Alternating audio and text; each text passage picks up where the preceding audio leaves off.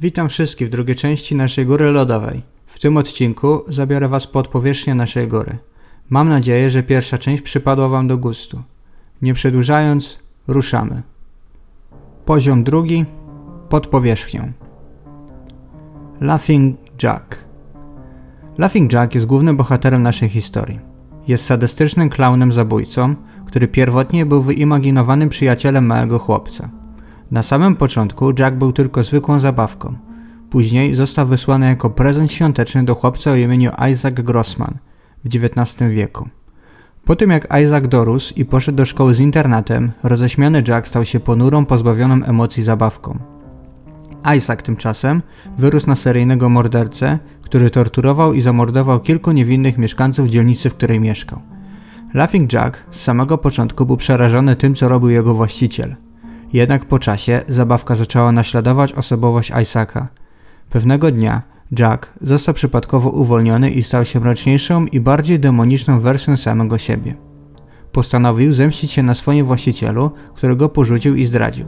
Zabił Isaaca tą samą bronią, którą on mordował ludzi. Z biegiem czasu Laughing Jack odwiedzi kilkoro innych dzieci, zostając ich przyjacielem.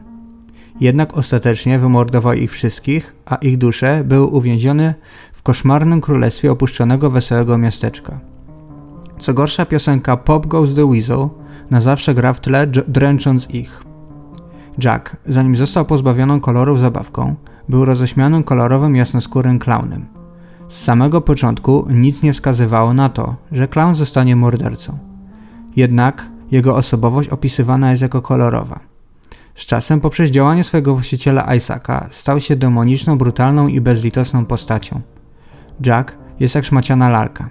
Nie ma narządów wewnętrznych, jego kletka piersiowa jest wypełniona farszem, a kostium częścią ciała. Na ofiary wybiera głównie małe dzieci, ale nie zawaha się wpłynąć na umysły dorosłych. Dodam od siebie, że nienawidzę klaunów, więc ta historia jest dla mnie wielkim no-no. Uśmiechnięty mężczyzna. The Smiling Man. Jakieś 5 lat temu mieszkałem w centrum dużego miasta w USA. Zawsze byłam nocną osobą, więc często nudziło mnie to, że moja współlokatorka, która zdecydowanie nie była nocnym markiem, poszła spać. Dla zabicia czasu chodziłam na długie spacery i spędzałam czas na myśleniu. Spędziłam w ten sposób 4 lata, spacerując samotnie w nocy i ani razu nie miałam powodu, by się bać. Zawsze żartowałam że ze współlokatorką, że nawet handlarze narkotyków w mieście byli uprzejmi. Ale wszystko zmieniło się w ciągu zaledwie kilku minut jednego wieczoru. Była środa, gdzieś między pierwszą a drugą w nocy, a ja spacerowałam w pobliżu patrolowanego przez policję parku, dość daleko od mojego mieszkania. To była spokojna noc, nawet jak na tydzień, z bardzo małym ruchem zarówno samochodów, jak i ludzi. Park, jak przez większość nocy, był zupełnie pusty. Kiedy pierwszy raz go zauważyłam, skręciłam w krótką, boczną uliczkę, żeby wrócić do swojego mieszkania. Na drugim końcu ulicy, po mojej stronie, była sylwetka tańczącego mężczyzny. Był to dziwny taniec, podobny do walca. Chyba można powiedzieć, że szedł tanecznym krokiem prosto na mnie. Uznając, że prawdopodobnie był pijany, podeszłam tak blisko drogi, jak tylko mogłam, aby dać mu większość chodnika, żeby mnie minął.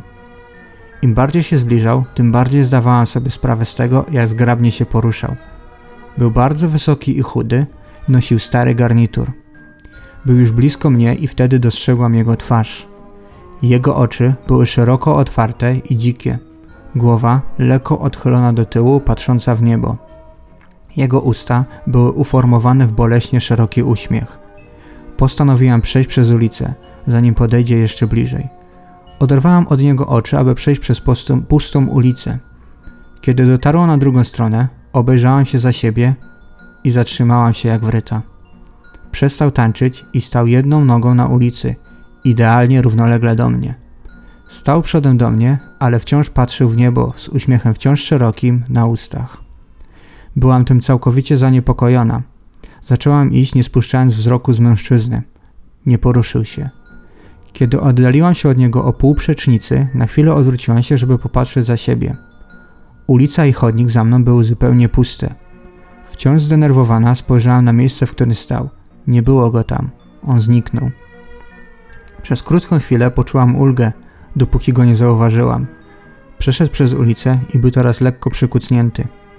Nie byłam pewna ze względu na odległość i cienie, ale byłam pewna, że był przodem do mnie. Odwróciłam się od niego na nie więcej niż 10 sekund, więc było jasne, że poruszał się szybko. Byłam tak zszokowana, że stałam tam przez jakiś czas, wpatrując się w niego. A potem znów zaczął się do mnie zbliżać. Robił gigantyczne, przesadne kroki na palcach, jakby był postacią z kreskówki, która się do kogoś podkrada. Tyle, że poruszał się bardzo, bardzo szybko. Chciałabym powiedzieć, że w tym momencie uciekłam lub wyciągnęłam gaz pieprzowy, telefon komórkowy lub cokolwiek, ale nie zrobiłam tego. Po prostu stałam tam, całkowicie zamrożona, gdy uśmiechnięty mężczyzna skradł się w moją stronę. Gdy nagle się zatrzymał na odległość samochodu ode mnie. Wciąż się uśmiechając, wciąż patrząc w niebo. Kiedy w końcu odzyskałem głos, wypaliłam pierwszą rzecz, jaka przyszła mi do głowy. Chciałam zapytać, czego chcesz? Gniewnym, rozkazującym tonem. Wyszedł z kowyt. Co? Bez względu na to, czy ludzie potrafią wyczuć strach, czy nie, to z pewnością go słyszą. Słyszałam go we własnym głosie i to tylko bardziej mnie przestraszyło. Ale w ogóle na to nie zareagował, po prostu stał tam, uśmiechając się. A potem, po tym co wydawało się wiecznością, odwrócił się bardzo powoli i zaczął odchodzić tanecznym krokiem, tak po prostu. Nie chcąc znowu odwracać się do niego plecami, patrzyłam jak odchodzi, dopóki nie znalazł się na tyle daleko, że prawie zniknął z pola widzenia. I wtedy coś sobie uświadomiłam – już nie oddalał, ani nie tańczył. Patrzyłam z przerażeniem, jakiego odległy kształt stawał się coraz większy i większy. Wracał w moją stronę. I tym razem biegł. Ja też biegłam. Biegłam, dopóki nie zeszłam z bocznej drogi i wróciłam na lepiej oświetloną o małym natężeniu ruchu. Patrząc wtedy za mnie, nigdzie go nie było. Przez resztę drogi do domu zerkałem przez ramię. Zawsze spodziewałem się zobaczyć jego głupi uśmiech, ale nigdy więcej go nie widziałam. Mieszkałam w tym mieście przez sześć miesięcy. Po tamtej nocy już nigdy nie poszłam na spacer. W jego twarzy było coś, co zawsze mnie prześladowało. Nie wyglądał na pijanego, nie wyglądał na wysokiego. Wyglądał na kompletnie szalonego.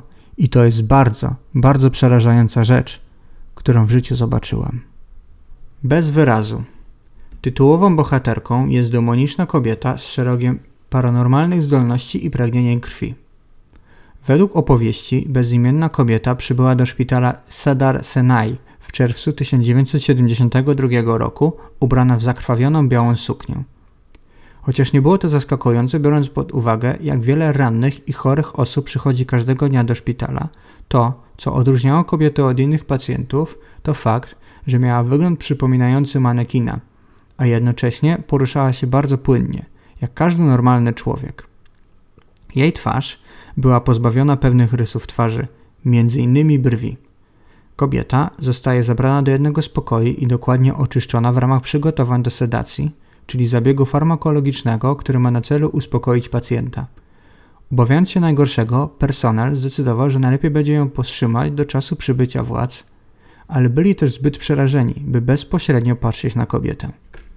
Wyjaśniając kobiecie, jakie były ich zamiary wobec niej, a ona wydawała się podążając za nimi bez większych negatywnych skutków. Jednak, gdy naczelny lekarz przygotowywał się do wstrzyknięcia jej środka uspokajającego, kobieta natychmiast zaczyna walczyć. Dwóch członków personelu próbowało ją powstrzymać, gdy jej ciało unosiło się z, łóżką, z łóżka medycznego.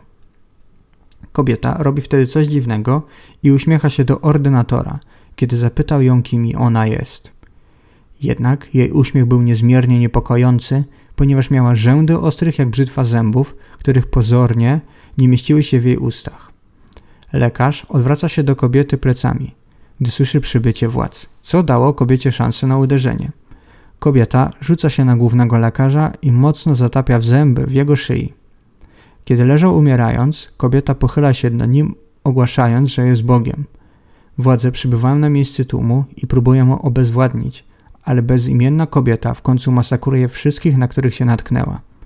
Pielęgniarka, która przeżyła atak, nazwała nieznaną kobietę bez wyrazu. Od tamtego incydentu nigdy więcej nie widziano kobiety. Brama umysłu.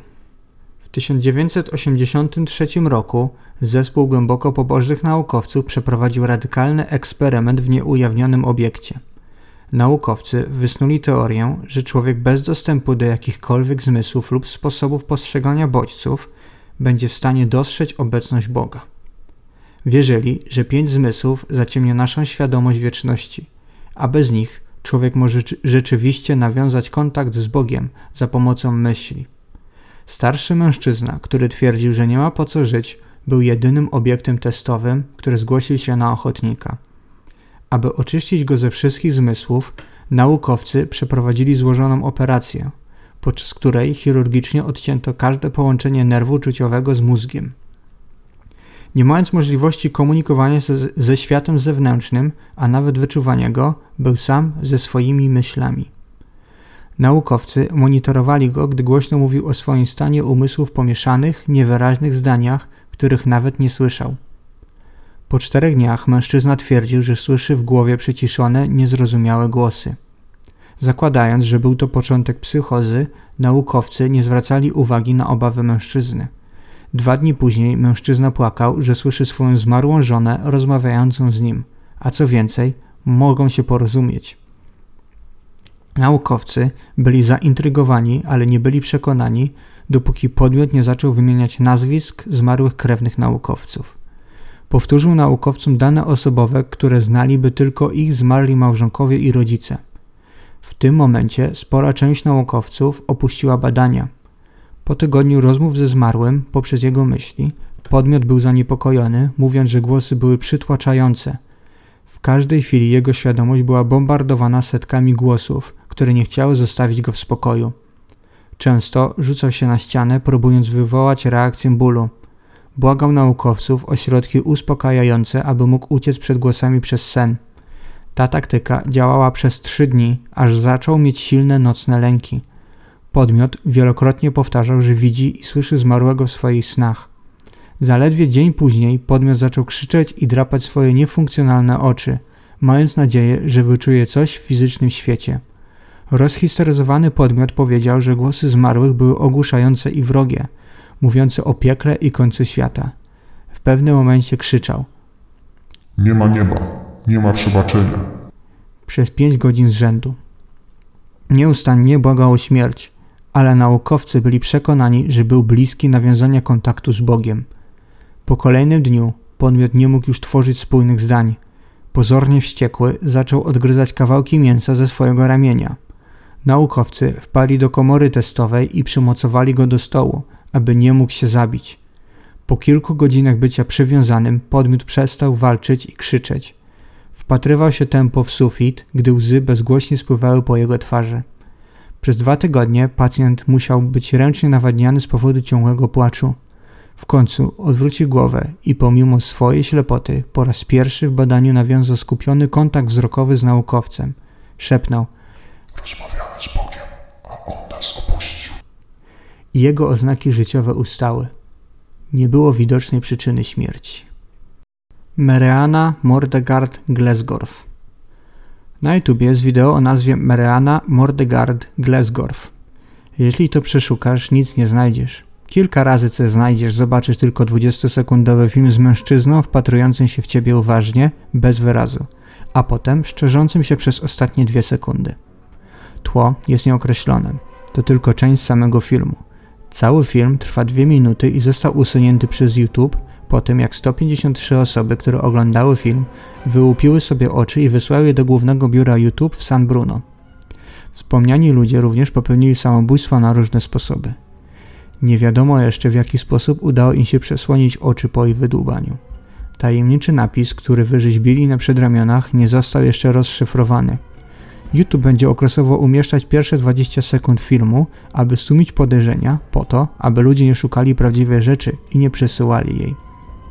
Sam film obejrzał tylko jeden członek personalu YouTube, który zaczął krzyczeć po 45 sekundach. Ten człowiek jest teraz pod stałym wpływem środków uspokajających i najwyraźniej nie jest w stanie przypomnieć sobie tego, co widział. Inni ludzie, którzy byli w tym samym pokoju co on, mówią, że w tym czasie słyszeli tylko wysoki dźwięk wiercenia. Żaden z nich nie odważył się spojrzeć na ekran. Osoba, która przesłała film, nigdy nie została odnaleziona, ponieważ adres IP nie istnieje, a mężczyzna na filmie nigdy nie został zidentyfikowany. Lalkarz. W ostatnich tygodniach zacząłem przypominać sobie szczegóły śmierci mojego brata. Miałem zaledwie 7 lat, kiedy to się stało i nigdy tak naprawdę tego nie pamiętałem, aż do teraz. Chyba powinienem opowiedzieć o dniach poprzedzających zabójstwo, a przynajmniej o niezwykłych rzeczach. Mnie i mojego brata dzieliło 13 lat, a nasi rodzice brali rozwód. Sędzia chciał najbardziej bezstronnej decyzji, jaką mogłem wydać. Dlatego mieszkałem z moim bratem na kilka tygodni przed jego śmiercią. Jego dziewczyna była wtedy w ciąży i myślała o mnie jako o praktyce bycia dobrą matką, więc oczywiście była odrobinę czepliwa, ale uwielbiałam uwagę, jaką otrzymywałem. Spałem w tym, co miało być żłobkiem, a potem po prostu przeszedłem tą myśl, ale teraz myślę, że to, co widziałem w nocy, było swego rodzaju przeczuciem tego, co miało dopiero nadejść. Każdej nocy, jak w zegarku, widziałem wysoki, złowieszczy cień przechodzący przez okno. Nigdy nie widziałem twarzy ani żadnych prawdziwych szczegółów, tylko cień. Mogę tylko opisać go jako wysoki, chudy i noszący cylinder, taki jak nosił Abraham Lincoln. Czasami słyszałem śmiech jak głęboki głos, znacznie głębszy niż śmiech mojego brata. Innym razem słyszałem dźwięki przypominające stłumione krzyki, ale zakrywałem głowę kocem i zatykałem uszy, aż w końcu zasypiałem. Nigdy nie powiedziałem o tym mojemu bratu, ale kiedy powiedziałem jego dziewczynie, uznała to za koszmar. Ostatnio przyjrzałem się niektórym z moich, z moich lepszych rysunków i jedną spójną rzeczą w nich był cień. Przez większość czasu cień pojawia się tak często, ale nie jako własna esencja, ale jako cień głównego obiektu, z wyjątkiem jednego razu. To było w czasie, kiedy to pisałem. Obudziłem się przy, przy moim stole kreślarskim z gotowym dziełem sztuki. To był on. Sen wspomnienie nocy, kiedy je narysowałem, po raz pierwszy ujrzałem twarz cienia. Mogę nazywać go tylko jednym imieniem. Lalkarz. Noc wciąż jest zamazana, ale pamiętam, że pierwszy raz, odkąd zobaczyłem cień, zatrzymał się przy moim oknie. Chyba nie mogę, nie mogę ufać temu wspomnieniu, bo miałem 7 lat i minęły lata, ale jednak. Teraz pamiętam, jak cień zniknął, a potem pojawi się nade mną. Lalkarz był pochylony, bo był taki wysoki. Jego twarz była jak maska, a ja dotknąłem jego twarzy. Wiedziałem, że to nie makijaż, to jego skóra. Jego twarz wyglądała jak duże łuski, z wyjątkiem ust, które wyglądały jak dziadek do orzechów. Nie skrzywdził mnie. Właściwie nie przypominam sobie, żebym się bał. Mówił językiem, którego nie do końca rozumiałem. Ale jak tylko zrozumiał, że nie znałem języka, zniknął. Następnym razem go zobaczyłem, gdy zabił mojego brata. Po tamtej nocy nawet nie, nie widziałem cieni, ale teraz pamiętam tę noc, jakby była wczoraj. W końcu zobaczyłem cień lalkarza, więc pobiegłem do pokoju mojego brata. Stał nad nim, zgięty w pasie i wysysający z mojego brata czarną esencję. Tak zginął mój brat. Od czasu do czasu, odkąd odzyskałem wspomnienia, czasami wydywałem lalkarza zawsze przed śmiercią. Wiem, że coś mi zrobił, ponieważ mój siostrzeniec Jason ma prawie 90 lat, a mimo to jestem młodszy niż jedno z jego prawnuków. Przestałem się starzeć, kiedy skończyłem 20 lat. Nigdy mi to nie przeszkadzało, bo chciałem tylko wiedzy, a nie miłości czy pieniędzy. Jason powiedział swoim dzieciom, ich dzieciom i ich dzieciom o lalkarzu. Stał się on symbolem mojej rodziny. Czy to dobry, czy zły symbol? Jeszcze nie wiem, ale wierzę, że jest dobry. Nikt w mojej rodzinie od śmierci mojego brata nie miał złych zgonów. Wszyscy umarli w pokoju. Moja siostra albo dziewczyna mojego zmarłego brata zmarła spokojnie. Jej ostatnie słowa brzmiały: Dziękuję za sprowadzenie go i mnie do nieba. Potem umarła. Mogę sobie tylko wyobrazić, że lalkarz z winy zabrał duszę mojego brata do nieba. Widziałem go raz 50 lat temu. Lalkarz przyszedł w środku nocy, powiedział zdanie i zniknął. Zastukałem do drzwi śmierci. Chciałbym, żeby odpowiedział. Schody. W 1984 roku w dwupiętrowym domu mieszkała sama starsza owdowiała pani. Była całkowicie nieruchoma i przywiązana do wózka inwalidzkiego. Od czasu tajemniczej śmierci męża potrzebowała pomocy dozorcy, który codziennie ją odwiedzał, by pomagać w codziennych zadaniach. To, co bardzo utrudniało, to fakt, że dwie kondygnacje domu łączyły tylko stare i zrujnowane schody. Kiedy starsza pani musiała przejść między dwoma piętrami, dozorczyni musiała nosić jej wątłe ciało jak niemowlę po schodach. Pewnego dnia policja otrzymała telefon od wdowy. Doszło do morderstwa.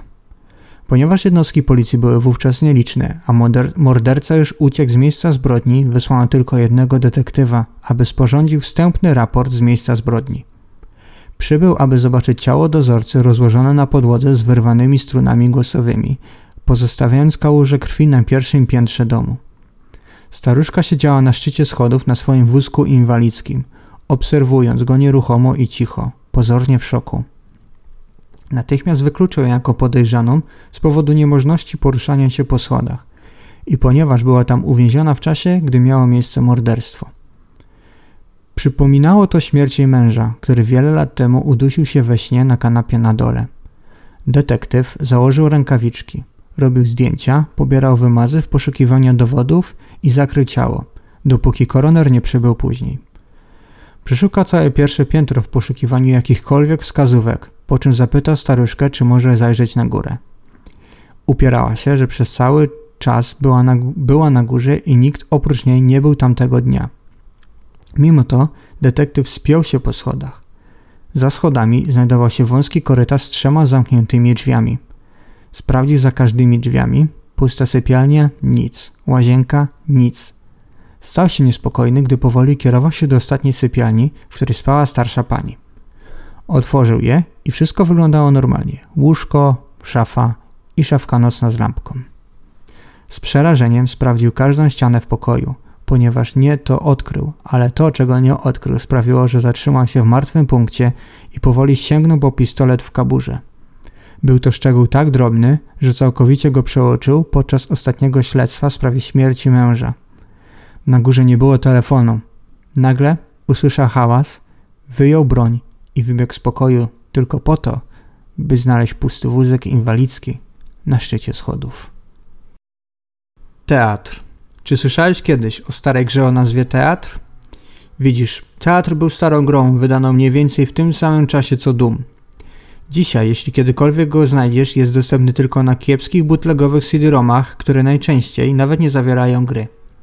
Rzeczywiste legalne kopie, które jak mówią, zostały wydane w ciągu dnia, mają pustą okładkę, na której nie ma nic poza sprite'em tego, co od tego czasu zostało nazwane bileterem. Jest to po prostu słabo narysowany, rozpikselowany, łysy mężczyzna rasy kaukaskiej z dużymi czerwonymi ustami, ubrany w czerwoną kamizelkę na białej koszuli i czarnych spodniach. Jest całkowicie pozbawiony wyrazu. Choć niektórzy twierdzą, że jeśli rozbijesz płytę, jego twarz będzie widoczna jako zła. Gdy następnym razem spojrzysz na okładkę, choć jest to po prostu odrzucane jako miejska legenda. Osobliwością teatru jest jednak to, że na pudełku nie ma nazwy dewelopera ani opisu gry na odwrocie. Jest to po prostu bileter na białym tle po obu stronach. Gra początkowo znana była z braku możliwości poprawnej instalacji. Proces instalacji natychmiast blokuje komputer, gdy użytkownik osiągnie umowę licencyjną. Również dziwne w umowie licencyjnej teatru jest to, że zawsze gdy ma się nazywać studio deweloperskie, tekst jest po prostu pustą linią. W każdym razie większość ludzi, którzy twierdzą, że są właścicielami jednej z oryginalnych płyt CD, twierdzi, że zorientowali się jak zainstalować grę. Po prostu, ponownie uruchamiając swój komputer na podstawie umowy licencyjnej z płytą nadal w środku. Następnie zostaną poproszeni o naciśnięcie Zgadzam się podczas uruchamiania. Następnie kontynuują instalację. Jeśli gracz rzekomo zdoła znaleźć coś, co uważa za działającą kopię, okno instalatora zawiesi się i przestanie odpowiadać, zanim będzie można kliknąć swoje pierwsze następne. Ale mówią również, że komputery nie blokują się i zawiesza się tylko instalator. Nie wiadomo, czy są to rzeczywiste kopie czy podróbki, ale powszechnie uważa się, że te kopie robocze mają tylko przyciągnąć uwagę internetu bez dowodu na efekty instalacji. Po prawidłowej instalacji gra uruchamia się bez żadnego wprowadzania. Poza głównym menu, które jest po prostu wnętrzem kina na pustej ulicy miasta. Pojawia się tytuł, a następnie trzy przyciski menu. Nowa gra, wczytaj oraz opcje. Wybranie opcji powoduje natychmiastowe zawieszenie gry na pulpicie. Mówi się, że wczytaj w ogóle nie działa. Nawet jeśli ma zapisaną grę, nic się nie dzieje po jej naciśnięciu. Tak więc nowa gra jest jedyną działającą opcją menu. Po wybraniu jesteś w widoku pierwszej osoby. Stoisz w pustym holu kina z wyjątkiem kasjera stojącego przed ciemnym korytarzem, który jak można przypuszczać prowadzi do samych kin. Nie pozostaje nic innego jak spojrzeć na kiepsko narysowane w większości nieczytelne plakaty filmowe lub podejść do kasjera. Gdy gracz zbliży się do, do biletera, otworzy się klip dźwiękowy o bardzo niskiej jakości mówiący Dziękuję, proszę cieszyć się filmem. wraz z mową mówiącą to samo. Potem wchodzisz do korytarza, a ekran robi się czarny.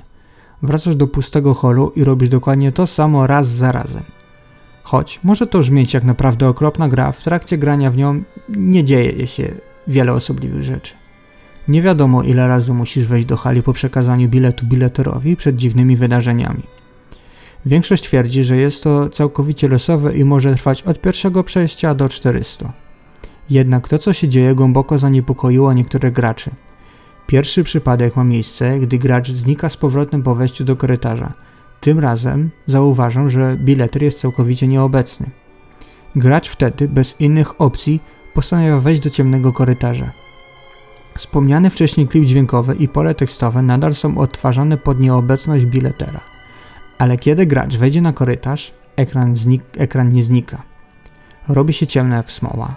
Gdy wchodzą w głąb sali, ale dźwięk kroków gracza wciąż jest odtwarzany, gdy nadal naciska przycisk, w górę na klawiaturze. Ci, którzy twierdzą, że grali w oryginalny raport z gry, czuli się nie, wyjątkowo nieswojo idąc korytarzem, przewidując przez całą drogę coś strasznego. Cóż, w końcu gracz nie jest w stanie iść do przodu. Przez kilka chwil nie ma nic, zanim dziwny duszek, który jest opisany jako zbieracz biletów, ale z wirującą twarzą, pojawia się i staje przed graczem.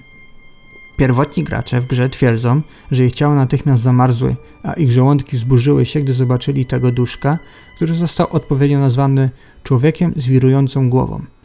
Nic się nie dzieje, gdy stoi przed nim człowiek z zawirowaną głową. Nagle rozlega się przyszywający zgrzyt, gdy gra się wyłącza. Trwa to kilka minut, a pisk jest ciągły. Następnie gracz w... nagle wraca do lobby ze wszystkimi dźwiękami grafiką tak jak powinny. Gra toczy się normalnie przez następne kilka cykli wchodzenia do korytarza z kilkoma oryginalnymi graczami, twierdzącymi, że człowiek z zawirowaną głową na chwilę pojawi się i zniknie w rogu ekranu, gdy odtwarzany jest szybki efekt dźwiękowy z kowytu. Następnie, w pewnym momencie po spotkaniu z zawirowaną głową, gracz widzi biletera chodzącego tam i z powrotem, choć nie ma animacji chodzenia. Kończyny, kończyny duszka są całkowicie nieruchome, więc jako substytut po prostu podskakuje w górę i w dół. Z szeroko otwartymi oczami i otwartymi ustami, aby symulować zmartwiony wyraz twarzy. Niektórzy gracze zauważyli, że plakaty filmowe zostały zastąpione wizerunkami człowieka z wirującą głową, co spowodowało, że natychmiast odwrócili głowę swojej postaci od plakatów i podeszli do biletera. Potem odtwarzany jest inny klip dźwiękowy o niskiej jakości – ale pole mowy zawiera tylko uszkodzone znaki, które powodują, że tekst, który byłby w pudełku, jest całkowicie nieczytelny. Ze względu na wyjątkową niską jakość dźwięku, gracze dyskutują, co dokładnie mówi bileter w tym momencie, chociaż powszechnie uważa się, że mówi Nigdy nie wchodź na inny poziom. Następnie ekran ponownie znika i gracz wraca do punktu wyjścia w holu, ale bileter zniknął, a korytarz jest zablokowany przez dużą ceglaną ścianę, Dotknięcie ceglanej ściany spowoduje natychmiastowe zawieszenie gry i to wszystko. Nikt nie wie, czym są inne poziomy, ani jak uzyskać do nich dostęp, ani nie wiadomo dlaczego człowiek z zawirowaną głową wywołuje tak ostry strach u tych, którzy widzieli go w grze. Wszystkie oryginalne kopie teatru zaginęły lub zostały zniszczone. Ale najbardziej przerażające jest to, że wszyscy pierwotni gracze w grze twierdzą, że od czasu do czasu widzą krótki przebłysk człowieka z zawirowaną głową kątem oka. To by było na tyle w dzisiejszym odcinku. Pominąłem, pominąłem kilka historii, ponieważ nie chciałem znowu wrzucać historii o Pokémonach, Mario i tym podobne. Nie każdy ze słuchaczy jest graczem, więc myślę, że może to niektórych nie interesować. I zapraszam Was na trzecią część w przyszłym tygodniu, a w międzyczasie wypatrujcie epizodu o dzieciach, które mordowały. Dzięki wielkie, do usłyszenia, hej.